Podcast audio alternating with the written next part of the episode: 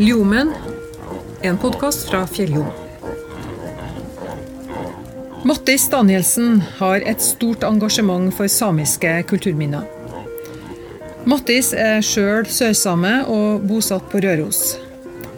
Han mener at verken utdanningssystemet eller forskninga er rigga for å avdekke samisk historie. Derfor klarer man bare å finne norske kulturminner.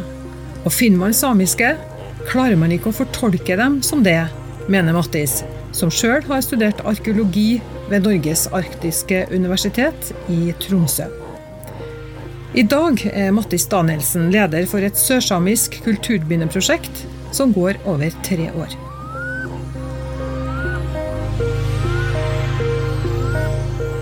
I ti år har Mattis Danielsen lett etter og funnet bevis for at den samiske tilstedeværelsen i Norge går nesten 1000 år lenger tilbake i tid enn det som er skrevet i norske historiebøker. Fjelljom ble med Mattis til fjellområdene mellom Røros og Tydalen, der han mener at han har funnet de her bevisene for teorien sin. Men likevel så har man skapt seg et sånn narrativ da, om at ja, man har holdt til der og der i liksom eh, tusenvis av år, men ikke har beveget seg over til andre dalen. Mm. Men det er jo bare for at man har ikke litt i den andre dalen. Nei.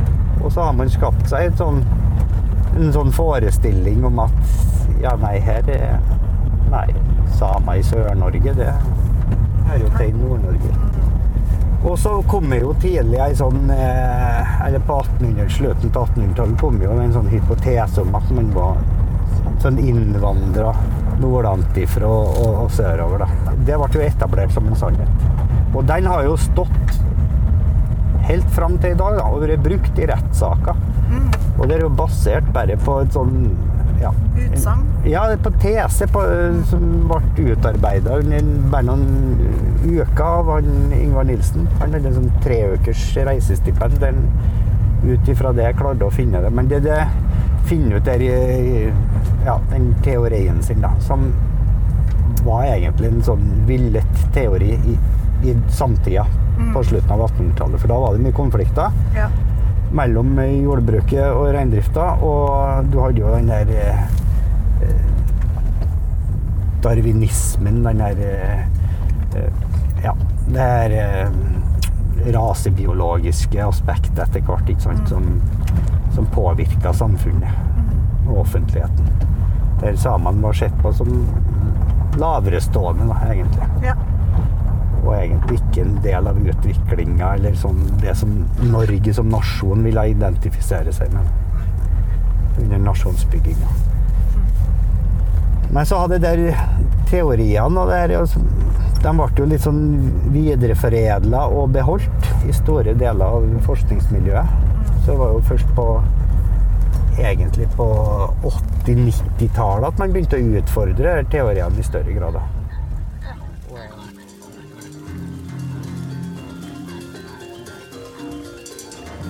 Så hvis man ikke tar opp det som er alternativ tolkning, altså da sier du et eller annet, da.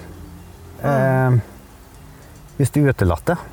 Eh, selv om du ikke sier det i klartekst, så vil det automatisk føre til at du velger en viss vei å utforske.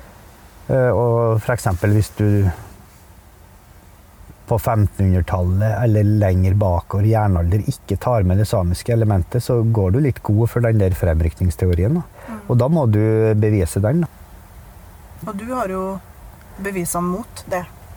Ja, jeg mener jo at jeg har det helt klart. Mm. Og det er jo ikke bare meg, men nei, det er jo nei, nei, hele den eh, samiske forskninga. Jeg kjenner bare deg, ja. ja.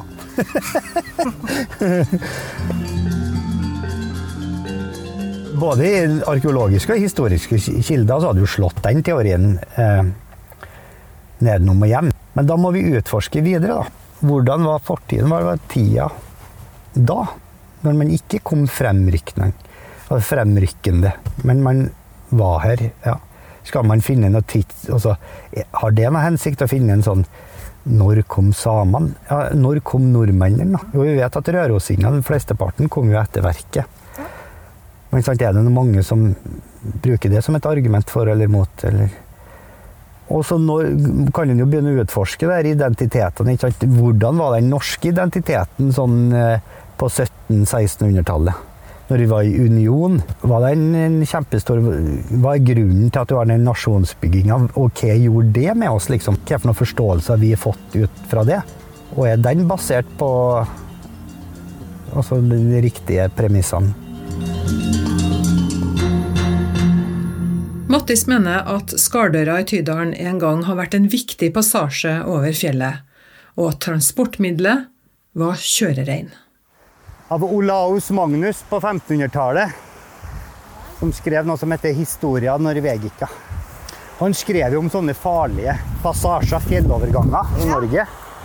Og da nevner han bl.a. Dovrefjell og Skars eh, og Sul som sånne farlige fjelloverganger. Men det som var spesielt med det, det var at han skriver det at det ble brukt regnskyss over. Og da var det jo noen som måtte stå for den skyssen, da. Det tror jeg har vært egentlig en sånn viktig måte å frakte seg sjøl og varer over fjellområdene, er den reinskyssen. Og det tror jeg har vært i Sør-Norge òg. For det er jo ingenting som Ikke noe sånn framkomstmiddel som går så fort som en eh, renraid, f.eks. Reinen er jo bygd for å fare fort på vinteren og området. Hadde noen pulker, sånn som, er, sånn som er kjent, ja. Og de kunne jo laste full med kjøtt og andre, annet gods. da. Så jeg tror den der handelen som foregikk, at den var litt avhengig av denne reinskysten. Mattis bruker metalldetektor for å søke etter samiske spor. Det vekker oppmerksomhet fra hyttefolk som holder til i området. God dag. Ja vel. Er du på skattejakt? Nei, ja jo, det er jo for så vidt, ja. Det er på sånn arkeologisk befaring. Å ja. Ja. Er det noe interessant oppi her, da? Her er det veldig mye interessant.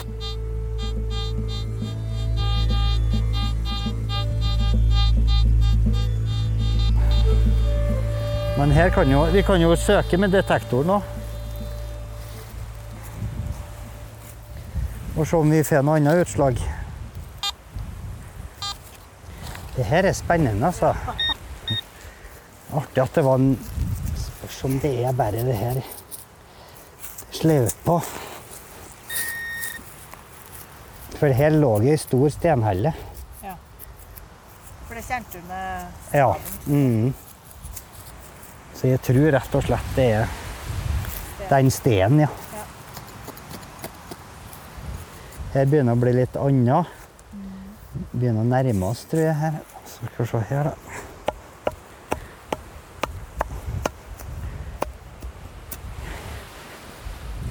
Her må vi bruke litt mer tid på.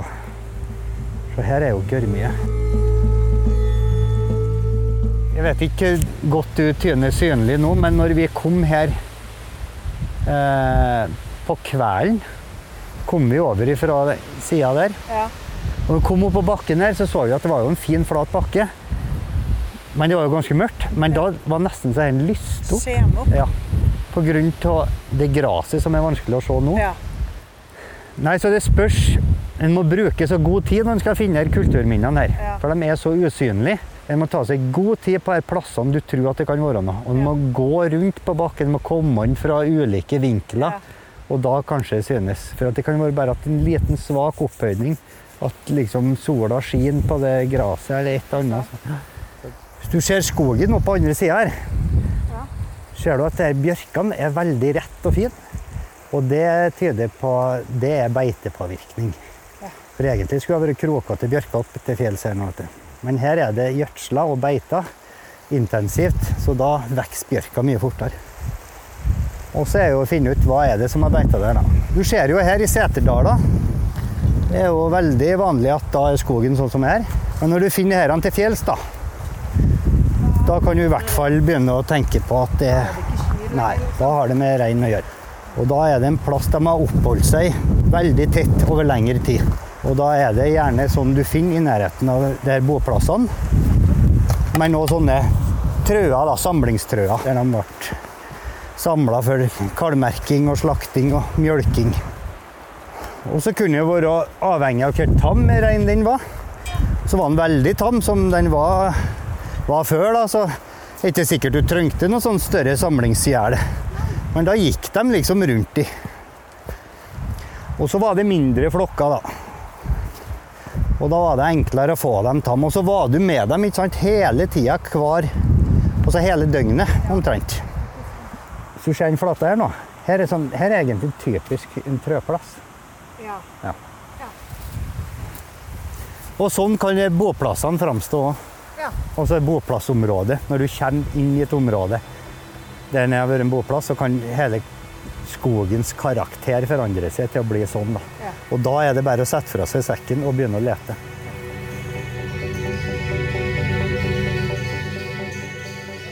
Men her gjorde jo vi noe spennende funn i skal vi se, Når var det? Var det jeg tror det var 2012. Eh, der vi kom over noen boplasser som vi tolker som samisk. Da. Og når jeg sier tolke, så, så er det for at de ser ut som samiske boplasser som en finner i dag, som kan være 50 år, 100 år, 300 år. Det er akkurat samme trekkene på det. Det er ildsted som har stått inni et telt eller i gamme. Eh, Og de har den der klassiske utforminga som du finner på her vanlige samiske boplassene. Så vi trodde jo ikke dette var så gamle. Og så jeg tenkte, og så er vi heldige nå, så kanskje vi kommer tilbake til 1600-tall, 1500-tall. Og grunnen til at jeg tenker sånn, er jo at vi har jo ikke vi har ikke, det har ikke vært tatt noen C14-dateringer. så det har ikke vært noen karbondateringer der du finner ut alderen. Veldig lite av det på samiske kulturminner. Så du har registrert tusenvis, men du har ikke, du har ikke prøvd å sette noe, fastslående alder på det. Nei. Og hvorfor det har vært sånn, det skjønner jeg ikke. For at uh, i en, en sånn norsk, norrøn kontekst, så er det tar man sånn C14-dateringer eh, over lav sko, egentlig. Og har masse materiale og, og egentlig mye data.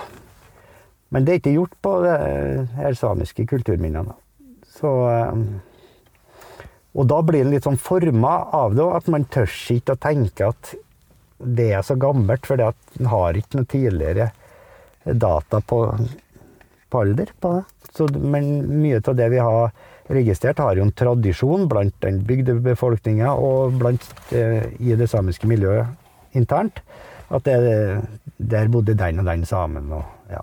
Så man har jo bygd opp det her materialet sitt ut ifra en sånn historiske kjente kilder, og så du finner du andre som du ikke har kilder på, som antageligvis er litt eldre. da. Så vi tok jo sånn C14-datering. og da når jeg kom tilbake resultatene, så var de ganske tydelige. Begge to visste da eh, 800-900-tallet. For det første så ble han jo kjempeoverraska og kjempeglad. Så samtidig så begynner du å tvile, da. For at i forskninga her nede så har vi ikke så mange sånne. Vi har det blant annet noen som en Jostein Bergstøl eh, undersøkte, og det var først på 2000-åra, eller om det var 2006 rundt der. 7-8. Og de var jo samme tidsperiode. Og så har vi en på Kviknes, en som vi fant nå, som vi òg fikk datert. Det var før det her, da. Eh, og det var samme tidsperiode. 800-900-tallet. Men likevel, da, så begynner man å tvile litt, for det er, altså det er ikke et sånn vanlig funn. Men vi har jo ikke aldri undersøkt for det heller. Så antageligvis så kan en jo anta at det her er mer vanlig enn det man tror. Da. Egentlig fant vi et annet kulturminne. Samisk kulturminne i Benhjemmet. Litt oppafor, bortafor boplassene der. Etter vi har gått Først så gikk vi over denne bo, boflata. Da. Det er en sånn stor flate, jeg vet ikke. eh, Kanskje den er 100 meter. 100 ganger 40. Og så gikk vi over den, for at den var så fin, så jeg tenkte at her må vi finne Vi klarte ikke å finne noe, så vi måtte bare gi slipp på den. Og så gikk vi videre, og så fant vi en benjømme 100 meter bortafor der. Og da gjemme. Og det Og det er en sånn eh, plass der man deponerte måltidsbenene sine. Ja. Eh, Det har en sånn hellig dimensjon, det her benjømmene, for de er ofte knytta opp imot reinlykke.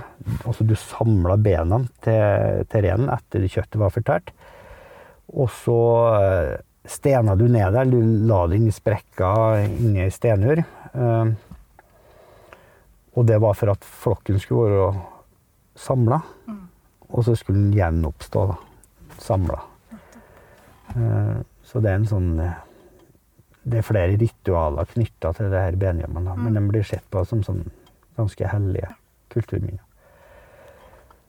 Så fant vi den, og da vet vi at når du har en benhjemme, da har du en boplass i umiddelbar nærhet. Så da gikk vi tilbake igjen på den boflata og fant denne eh, ildstedene. Men så viser jo seg dateringene at den benjamma, den er jo fra jeg tror det var 1700-tallet, sånn mest sannsynlig. Ah, Og har ikke noe sammenheng med boplassene, som er fra 800-900-tallet. Men det ser en hvor viktig det er å kunne foreta dateringer. Så her har en to ulike bruksperioder, antageligvis. Og det har kommet fram til at den benjammen ser ut mest som en sånn offernedleggelse. Eh, som en sånn eh, ja, tjekkuve. En sånn en, mer en ofring. Eh, men i hvert fall, de hadde sånn tidsmessig ingen sammenheng med hverandre. Geografisk så har de det for at de søker ofte til samme plassene. Det ser vi gang på gang. At det er kriterier i naturen eller i landskapet som gjør at det blir boplasser gjennom flere ulike perioder. Og en kan jo anta at sånn rundt vikingtid, den perioden når det her når det her boplassen var, så var skogen antageligvis lite høyere, og det var mer, mer skog der. Så det er ofte at vi, der boplassene vi finner, som vi finner over skoggrensa, de er litt eldre. Men de har tidligere ligget i skoggrensa, enn Ja. at det har vært skog rett i nærheten her. Så eh, vi fant jo flere og flere av det vi tror er sånn fra samme periode omtrent. Nå har ikke vi datert altså, dem, men de, 800-900-tallet. ja, men vi finner mange som ligger i det samme sjiktet, Ja. og som ser, eh, ser ut som det her oppe i Skardøra. Så de er så overgrodd og ser så gamle ut at vi kan anta at de er fra jernalder. Så det her er jo egentlig bare en sånn komplettering av det som, funnene som er gjort tidligere, og så er det kanskje en indikasjon, eller ikke kanskje, men det er en indikasjon at vi må lete mer over skoggrensa. Vi må lete mer etter de gamle boplassene. Jeg tror jo det her er veldig viktige funn, tror jeg. Men så begynner man som sagt å tvile litt på seg sjøl, bare pga. alder. da. Bare pga. de narrativene som har vært før, med fremrykningsteori og etc. Sjøl om de er tilbakevist både historisk og arkeologisk, så har du den lille tvilen at det her er nesten for godt til å For godt til å være sant, ja. ja, det er det. For det er så fantastiske funn.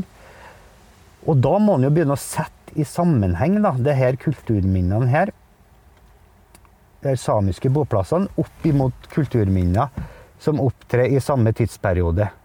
Flere plasser i området og i regionen her. Eh, man vet jo at samene var jakt, en jakt- og fangstbefolkning før man begynte å temme Altså før man begynte å ha store private, privatiserte reinflokker. Så drev man jo med villreinfangst og elgfangst. eh, og eh, og så jo, møter du jo der ikke sant, at ja, f.eks. du har ei grava i brekken. Mm. Og så, så er det lett å tolke, fortolke det som at ja, her ligger det en brekking. Men også, hvilket perspektiv er det? jo, så det er et perspektiv tatt ut ifra stedet Ja. og ut ifra en jordbruksforestilling om at du bodde på det stedet. ja. Og drev med Og, ja, og drev gjerne med jordbruk, Mm. og forholdt deg egentlig eh, med, til, til det den som, plassen. til den plassen som et hjem i, Mm. i en sånn eh, moderne forståelse. Er det dem òg som ligger gravlagt, eller er det ulike Mm. grupper sant, som Mm. opererer forskjellige plasser i landskapet? Mm. Men det en vet i hvert fall, det er at man har ikke noen sånn sikre holdepunkt på at det er noe jordbruk i den perioden oppi her. Verken her i Stugdal eller i Brekken eller på Røros. så, var det ikke, i hvert fall ikke noe storstilt jordbruk. Og det her gravene, også menneskegravene som vi finner, altså, de er jo rikt utstyrt. Det er jo bl.a. sverd i flere av dem. Eh, Og de kan jo ligge opp på fjellet. Det er jo sånne graver ikke så langt unna her. Da. På Sylsjøen, rett over fjellet. Og du har i Brekken. Og de ligger i et sånn jakt- og fangstmiljø. Men de har generert såpass eh, inntekter at du hadde råd til å ha et sverd, annet. Men det er jo det som er så interessant, å kunne sette det her i sammenheng nå. Og så at det ikke blir bare sånn løsrevne og så at det, det er kategorier som ikke har i sammenheng med hverandre. Det, en må jo tenke at de har en viss sammenheng. Ja, Uansett om de ikke tilhører samme gruppa, så har de operert samtidig. For det kan ikke være samme type folk. Jo, Det, det kan jo det. det kan jo det. Absolutt. Men det har man ikke utforska så veldig mye, akkurat det der Nei. aspektet. Og det med fangstgropsystem og den storstilte fangsten som tydeligvis som garantert har generert et stort overskudd, da. Ja. Det har man ikke undersøkt så nøye her i Innlandet. Nei. Og det er kanskje en stor faktor til at der høvdingedømmene eh, kunne oppstå. Mm.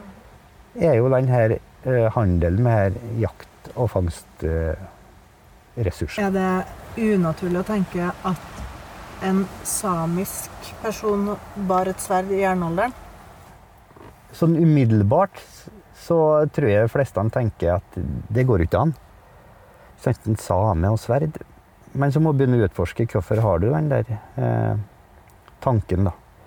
Og det er jo for at det er satt inn i egentlig sånn gamle etniske framstillinger, det her med sverdet. Og du, du finner jo at det, det, det symboliserer jo velstand. Mm.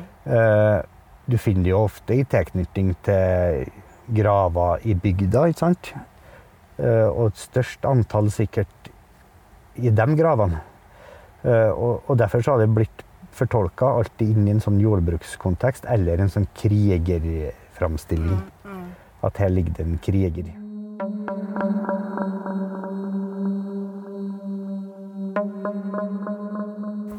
Så jeg tror mye av det der at man møter så mye argumenter og motbør mot at det skal være samisk, det handler om en ukunnskap med at man ikke har kompetanse med samiske kulturminner. Man vet ikke hvordan den opptrer i terrenget. Eh, man vet ikke hvordan de opptrer i landskapet, ikke i forhold til hverandre. Altså, du må ha den landskapsforståelsen og den kulturelle kompetansen for å kunne fortolke det på en rett måte. Og den mangler jo i norsk arkeologi. Du får jo ingenting utdannelse i det. Og hva er det som skjer da? Jo, da skaper du et system der norske arkeologer kommer ut og kan egentlig bare finne kulturminner som ikke har med samisk kultur å gjøre. Og da produserer du òg ei historie hvor samisk kultur er utelukka, for du klarer ikke å finne de plassene. Eller finner dem, så klarer du ikke å fortolke dem som samisk. Utdanningssystemet og forskninga er ikke rigga for å kunne avdekke en samisk historie. Ja, og hvis du ikke har kompetanse om det, så vil man hele tida foreslå alle Andre- alternativ. Nettopp Ja. andre forslag. Ja. Så det er jo nesten det, Man prøver alle mulige andre teorier enn at det skal være om samisk befolkning. Særlig i de områdene da, som ikke har, er innenfor det tradisjonelle i hermetegn Ja. samiske bosetningsområdet. Mye er jo basert i at man ikke har kunnskap og kompetanse om det. Andre ting er basert i politiske motiv, Ja. der man Økonomiske motiv. ja, der man kan ane en politisk eller næringskonflikt, ikke sant? Mm.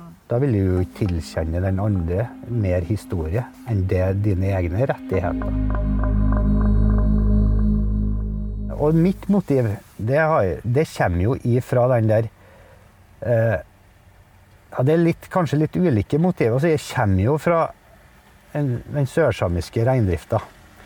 Eh, og i den og i den kulturen så har du tradisjoner, og du har fortellinger om oss som folk. Om oss som kultur. Blant annet det at vi har vært her i all tid. Det er jo en sånn gjenganger. Eh, og så på skolen så møtte jeg en annen fortelling sant, som er basert på den, det norske perspektivet. Og det norske synet og den norske forskninga. Annet i den fremrykningsteorien som hevda at det var et innvandrende element som kom nord eller øst ifra på 1700-tallet. Mm. Eh, Så det ble jo en sånn drive for meg å finne ut hva, hvilken av de her fortellingene er riktig. Og så hva er det som er mest riktig, da. Hva er sannheten? Ja, ja. Så det er jo det en prøver å komme fram til. En sånn Men ikke for å slå i bordet til noen og si Hei, hei, hei, det var det jeg sa, eller? Nei, absolutt ikke. Nei. Uh, Men mer av det for kanskje å gi oss sjøl en historie Mm, tilbake. mm, Uansett hvordan den er, da. mm. For jeg må være åpen på at den er ikke sånn som mine teorier er, men kanskje en blanding av ulike teorier. ikke sant? Og det, så jeg er veldig fokusert på det å ikke eh, kalle det her eh, kulturminnene jeg finner et samisk før jeg liksom har veldig Gode belegg for ja, å si det. veldig godt belegg, og, og at jeg finner at det er naturlig. For at det, det, altså, det må være et godt belegg. Og det, den der har han med seg i ryggmargen, da. For at man møter så mye argument. Mm, Så jeg må òg vite veldig mye om andre kulturminner. Men det går bare én vei. Ja. For at i den norske kulturminneforvaltninga så trenger du ikke å argumentere sånn.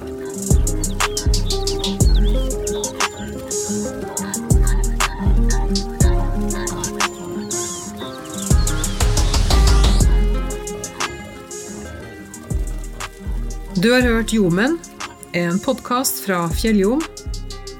Denne episoden er laga av Eli Vintervold og Steinar Benniksvold.